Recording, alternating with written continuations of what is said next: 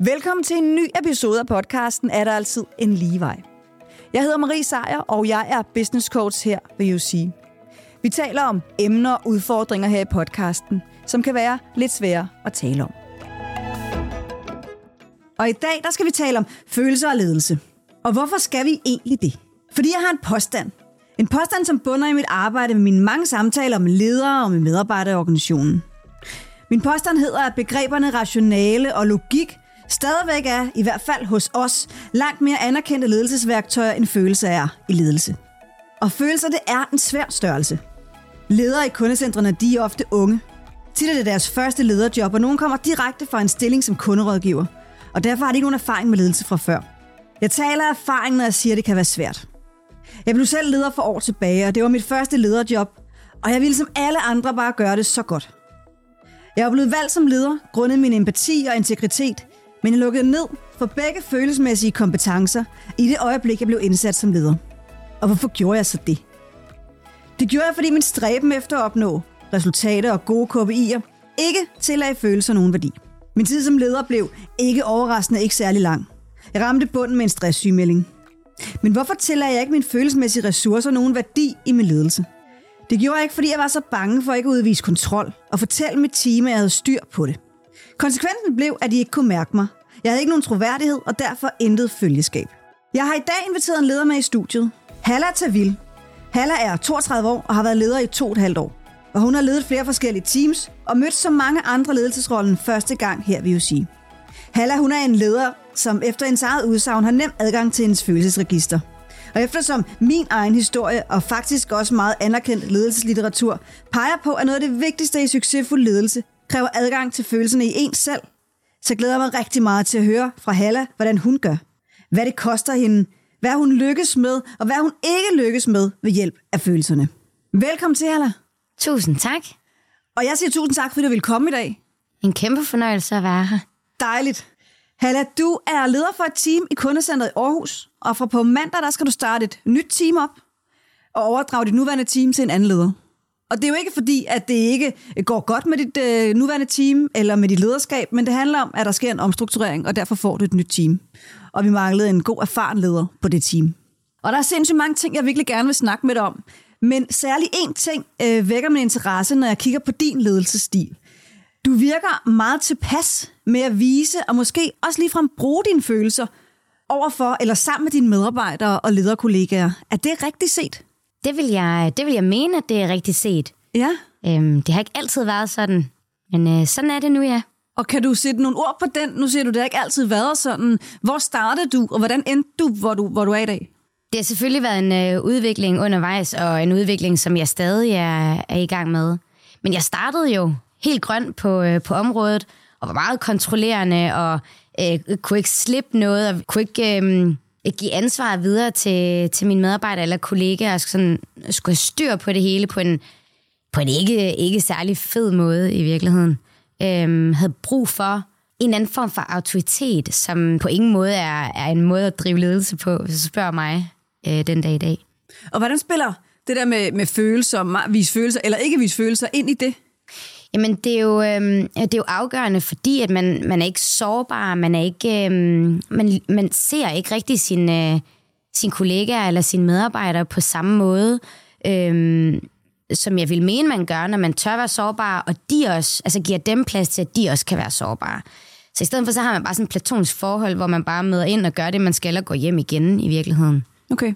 Kan du øh, sætte, sætte et billede af, hvordan dit team spillet sammen, også sammen med dig øh, før, og hvordan de har taget imod den ændring, du har lavet i forhold til, og nu skal vi nok komme lidt mere ind på det, men det der med at lige pludselig turde vise, hvordan du egentlig øh, har det, og vise sårbarhed og sådan noget. Hvordan har den øh, ændring været i teamet? Hvordan har du kunne se det? Altså, der er ikke nogen tvivl om, at øh, den største ændring er jo, at man er et team. Altså, man, man, man er sammen nu om, øh, om at lykkes. Øhm, før var man enten i grupper eller lidt alene, og du ved, det, det der sammenhold, det fandtes ikke rigtigt. Øhm, samtidig så var der heller ikke den der ærlighed, eller ja igen, øh, sårbarhed, som, øh, som der er nu, den var heller ikke over for mig. Så der er også noget tryghed, der ligesom bliver drevet af det, ikke? Og den der tryghed og den der samhørighed, som jeg hører dig snakke om, kommer den, fordi du tør vise, hvordan du har det, vise, hvordan du føler? Ja, altså jeg tror jo på, at øhm, en leder afspejler i sit team, og omvendt teamet afspejler, øh, øh, afspejler sin leder. Og, og det er klart, i og med, at jeg også begynder at have noget interesse for de her mennesker, jeg er sammen med hver dag, og får noget forståelse for, hvad de går igennem, og hvem de er, og hvad de laver i deres weekend, og alle de her ting, så får de jo det samme, også en forståelse af mig, og hvem jeg er, og hvad jeg laver, og du ved, scenarier, og så snakker man jo om ting, så man lige pludselig har en håben kommunikation, som ikke nødvendigvis behøver at handle om kopier. Mm. Ved du, hvad deres respons er? Altså, ved du, hvordan, hvad de synes om at have et team, hvor man kan vise ærlighed, eller fortælle, hvordan man har det? Altså, jeg spurgte jo faktisk mine øh, medarbejdere i forbindelse med, at jeg skulle øh, herind til dig, øh, hvad de egentlig synes om, at jeg bruger meget mine følelser, når jeg, når jeg leder. Og øhm, først og fremmest så fik jeg et svar om, at det, det er meget autentisk. Mm. Så det synes jeg jo i sig selv er en kæmpe sejr. Jeg synes jo, det er det fedeste at få at vide, at man er autentisk. Men der er ikke nogen tvivl om, at når jeg så kommer ind og er glad og har et kæmpe øh, energiboost med mig, så smitter det også af, og så er de jo lige så klar og lige så på og lige så meget, øh, du ved, så smitter det af. Men omvendt så gør det det også, hvis jeg kommer ind og ikke har særlig meget energi, eller måske har, øh, har et andet humør, end jeg plejer. Det smitter også af.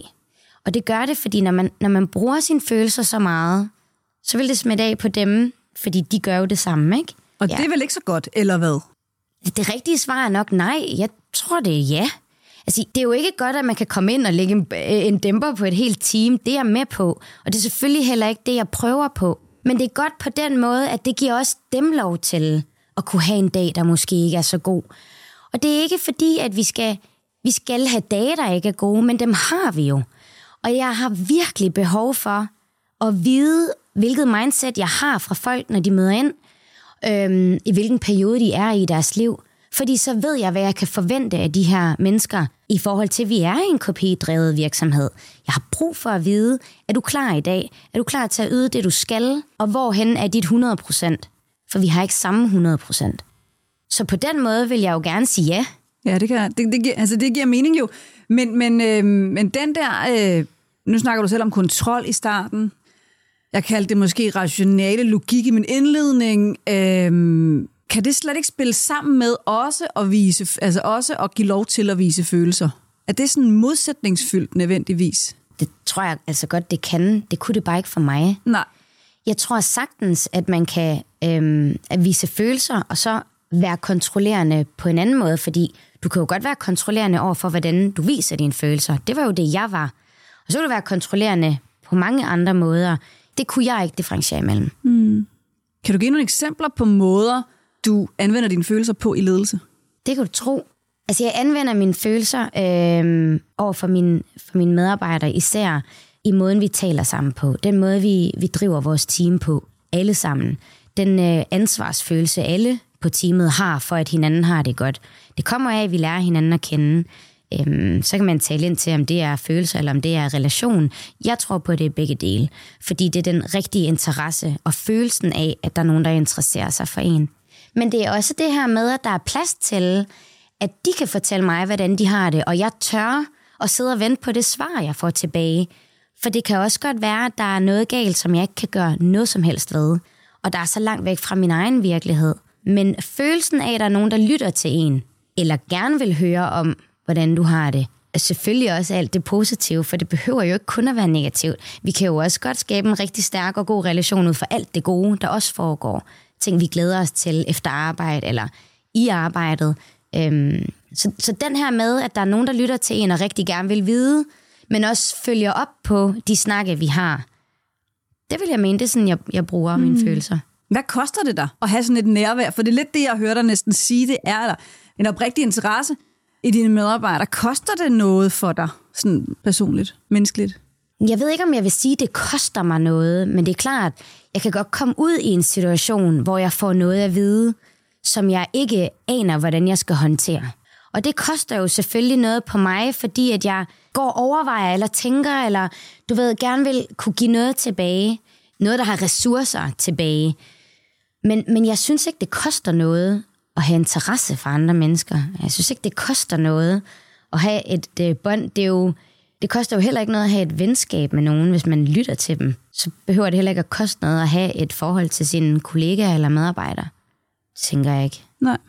Går der nogle gange noget autoritet af din lederrolle, når du bliver sådan, øh, menneskeligt tæt med dine medarbejdere? Det er faktisk et rigtig godt spørgsmål. Øhm, det håber jeg da, der gør. Altså, det håber jeg da selvfølgelig, at der er noget, der gør, fordi det er nok nemmere at tale med nogen, der ikke er ens chef, men en, der bare er interesseret. Så jeg ved det faktisk ikke, men det håber jeg. Ja, og det kan man sige, det er jo, øh, det er jo også individuelt, men, men for nogen er det jo en farlig ting, at autoriteten går væk som leder. Øh, man skal vel altid have et vist niveau af autoritet, når man er leder, men, men, øh, men der er vel forskel på, hvor, hvor højt den ligger, kan man sige, for, for forskellige ledere. Så sådan, øh, hvor, jeg, jeg forestiller mig bare, at, det, at man kan føle, at man mister den lidt måske, når man sidder der og lige pludselig ved alt om Brians liv. Men det var jo det, jeg var bange for i starten. I starten var jeg jo sindssygt bange for, at jeg skulle miste min autoritet. Det er jeg faktisk ligeglad med nu, fordi hvad er autoritet i virkeligheden? Og i virkeligheden, så det jeg søger fra de her mennesker, det er bare øh, helt almindelig respekt og helt almindelig øh, forståelse og helt almindelig forståelse af, at vi har forskellige opgaver. Det er jo ikke et spørgsmål om, nu er jeg leder, så har jeg en autoritet, og du skal bare gøre, hvad jeg siger. Det handler jo om, at vi har forskellige opgaver. Og for at du kan lykkes med din opgave, så skal jeg lykkes med min opgave. Omvendt, jeg bliver nødt til at lykkes med min opgave, for at du kan lykkes med din. Så jo, i starten var jeg sindssygt bange for det, mm. og nu er det ikke en del af, af det, jeg tænker til hverdag. Altså, nej. Nej. Fordi der er jo også øh, aspekter af, at det der med at se en leders følelsesregister tæt på, kan nogle gange se som en form for svaghed, ikke? Altså det, det er jo noget, som har gået igen i historien i hvert fald, og som vi måske til stadighed kan, kan have sådan et billede af, at, at hvor facaden, fordi det er den stærke. Øh, og har du nogensinde oplevet den respons på at være så tæt på dit følelsesregister? Jeg er helt øh, sikker på, at der er nogen, der synes, det er rigtig mærkeligt. Og jeg tror også, at der er nogen, der ikke kan forstå, øh, at, at jeg vælger at gøre det på den her måde. Jeg, jeg vil ikke sige, det er svagt. Jeg vil sige, at, øhm, at det er den nemme løsning at lade være med at bruge sine følelser. Det er den nemme løsning ikke at skulle tage stilling til, hvad andre føler og hvad man selv føler. Så jeg vil på ingen måde kalde det øhm, svagt at bruge sine følelser, men jeg vil sige, at jeg er helt sikker på, at der er nogen, der synes, jeg er, er underlig, eller kan være akavet i en situation, eller du ved, gør noget andet selv, og derfor måske også kan være lidt uforstående for, hvorfor jeg gør, som jeg gør. Kan du give et eksempel på det? En eller anden episode, du har haft, hvor du har tænkt, okay, her clasher vi virkelig også ledelsesmæssigt? Okay. Jeg vil gerne fortælle om en situation. Det er ikke, fordi vi clasher, men bare for at fortælle lidt om det her med, at det godt kan være lidt mærkeligt. Jeg har en øh, samtale med en af mine øh, kollegaer, helt øh, normal samtale, og så kommer direktøren ind og fortæller mig en rigtig glædelig nyhed. Og uh, den her nyhed, den er så god, at jeg, jeg får så mange følelser frem i min krop, og så øh, fælder jeg faktisk en tår. Altså, jeg står inde i et åbent lokal og tuder over, at jeg er mega glad. Og øh, min direktør, Jason, kender mig. Så jeg tænker ikke, han synes, at det er underligt, for jeg tror ikke, han havde forventet en anden reaktion, end den, jeg kommer med. Men min kollega står til gengæld på den anden side, og man kan godt se, at han, han tænker, hvad er, det, hvad er det, der foregår her? Altså, hvad laver hun? Og jeg tror, det kommer meget af, at man skal sgu nok også kende mig for at vide, jeg har, jeg har behov for at lukke de her ting ud. Jeg har ikke lyst til at, at stå her og have sådan en stolthed over, at jeg har klaret øhm, den nyhed, som Jason kom med. Jeg vil gerne vise, at jeg er oprigtigt glad, og det er en lettelse for mig, at det er gået så godt, ikke? Og det er den reaktion, jeg har. Så jeg tror da, jeg kan komme med rigtig mange af den her slags øh, fortællinger om folk, der synes, det kan være lidt akavet eller mærkeligt, at jeg reagerer sådan der. Men det at have en masse følelser betyder jo ikke, at det skal være negativt eller dårligt. Det er jo også bare et udbrud af glæde oftest. Ikke? Mm, klart. Og der er jo også garanteret øh, modsatte situationer, hvor det er et udbrud af at blive ked af det, eller blive vred. Øhm, det findes også, som, det som du helt klart også må, må støde ind i at møde en gang imellem, og som jo er en anden, øh, altså så den anden rutsjetur, man kører, du, du har sikkert. der, ikke? Mm-hmm. Absolut. Men, hvordan, hvordan, og hvordan, hvordan stopper du den? For jeg tænker, det er jo også en, en, en balance, hvor, hvor ked af det, hvor vred, hvor skuffet, må jeg vise, at jeg er. Ja, og det er jo faktisk en af de ting, som jeg arbejder allermest med. Øhm, fordi når jeg først bliver vred, eller jeg først bliver ked af det, så har jeg, jeg har ikke det der stop, lige så vel som når jeg først bliver rigtig glad, så stopper jeg det heller ikke bare. Og det er også nogle af de ting, jeg må arbejde på, fordi vi er trods alt på en arbejdsplads. Så, så der er nogle punkter, hvor jeg bliver nødt til at sige til mig selv, at du bliver simpelthen nødt til at komme videre her. Øhm, og det er ting, jeg arbejder på. Det er ting, jeg bliver bedre øh, med tiden, men jeg bliver også endnu bedre i fremtiden, det er jeg sikker på. Mm. Øhm. Men nu bliver jeg lidt nysgerrig. Har du nogle sådan konkrete eksempler på, hvad det er, du, du gør for at blive bedre til det? Jeg har, øhm, altså jeg, jeg har jo talt med mit team, og jeg har faktisk snakket, øh, vi snakker meget åbent om det her med, at ligesom de skal have feedback øh, for at kunne udvikle sig og blive dygtigere, så bliver jeg også nødt til at få noget feedback for at blive dygtigere. Og min feedback behøver ikke altid at komme fra mine ledere. Så jeg har også aftalt med dem, når jeg er i dårligt humør, eller hvis jeg bliver for sur, eller hvad det nu kan være, at de også øh, føler, at det er okay for dem at komme og sige det til mig. Fordi det sekund, at jeg har en medarbejder, der kommer og siger til mig, at jeg er for sur, eller hvad er det, der foregår, eller så synes jeg, det er fedt, fordi så kan jeg tage det til mig, og så ved jeg også godt, så skal jeg også stoppe nu. Ikke? Øhm, så, så det er også en fed måde at kunne arbejde på, at man kan give hinanden den feedback, så man kan blive, man kan, man kan komme på den anden side af det. Mm. Og kræver jo virkelig også tillid, både fra dem og fra dig. Helt sikkert. Det er sådan en dialog, ikke? Absolut. Ja. Specielt, altså specielt modet også fra dem at, at, at kunne sige det til mig. Mm. Men det sætter jeg kæmpe pris på. Ja.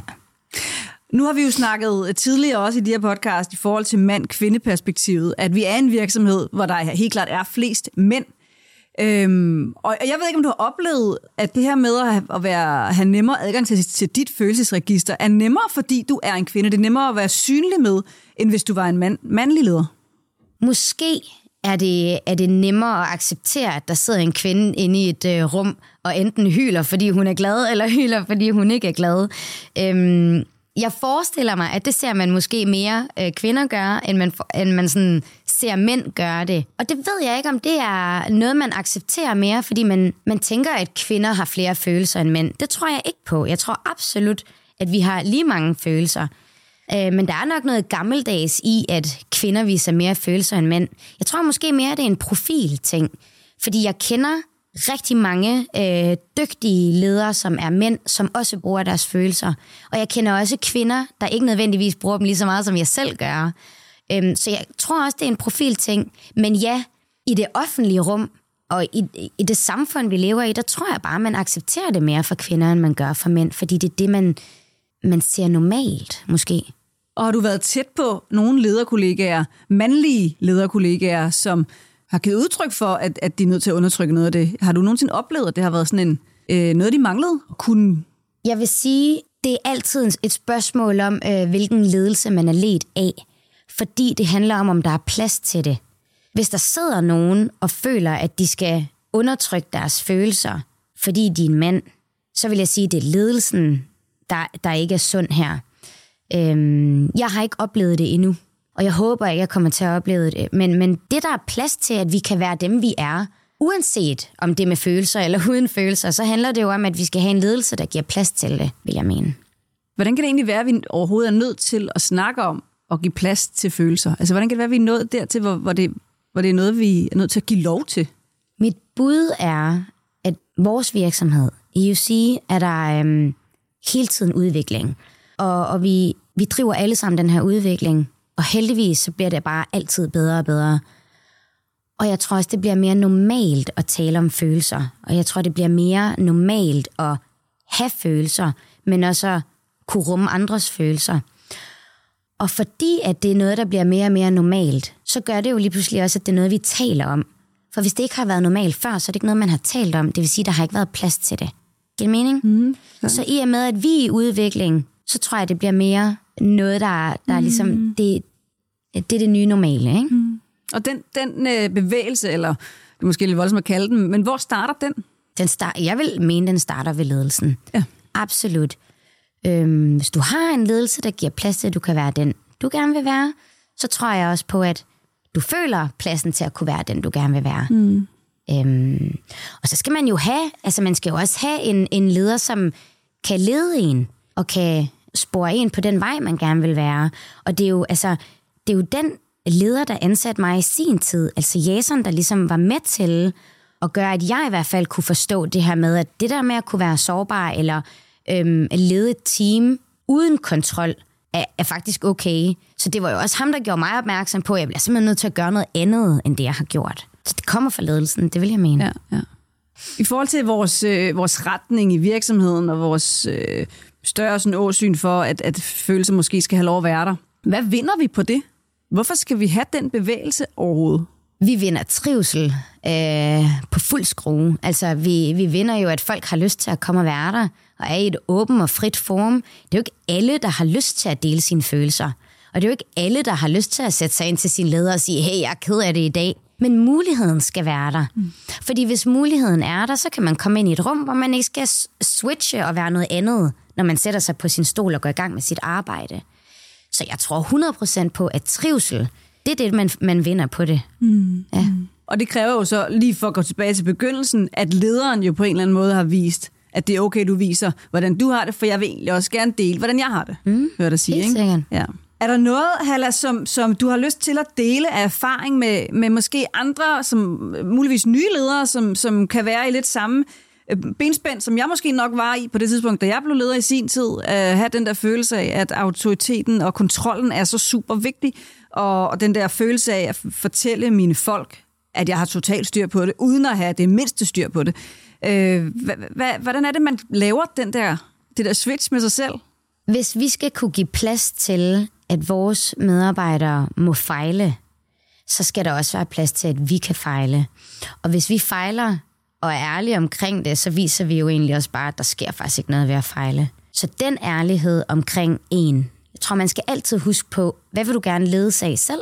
Og det, du gerne vil lede af, det er det, du bliver nødt til at give videre. Og jo mere du gør tingene normale, jo mere normale bliver de også. Men hvis du altid er sådan en robot med rettet ryg, og aldrig nogensinde tager et skridt forkert, så bliver de et produkt af det. Og der er ikke nogen, der ikke laver noget forkert. Og så bliver det bare gemt ude i hjørnerne, eller faret under tæppet i stedet for. Mm, mm. Så noget med at være, være okay med at fortælle, når noget ikke går, som det skal? Eller ikke ja, går være modig nok til det mm. i hvert fald. Helt sikkert. Ja, for det er jo også helt sikkert noget med mod at gøre, tror jeg egentlig i høj grad. Ja. ja.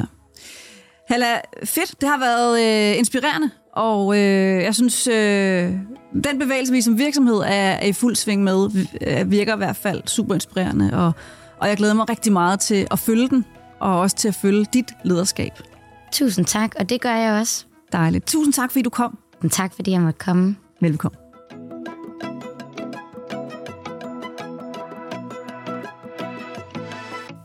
Det var en snak om, hvad følelser kan gøre i ledelse.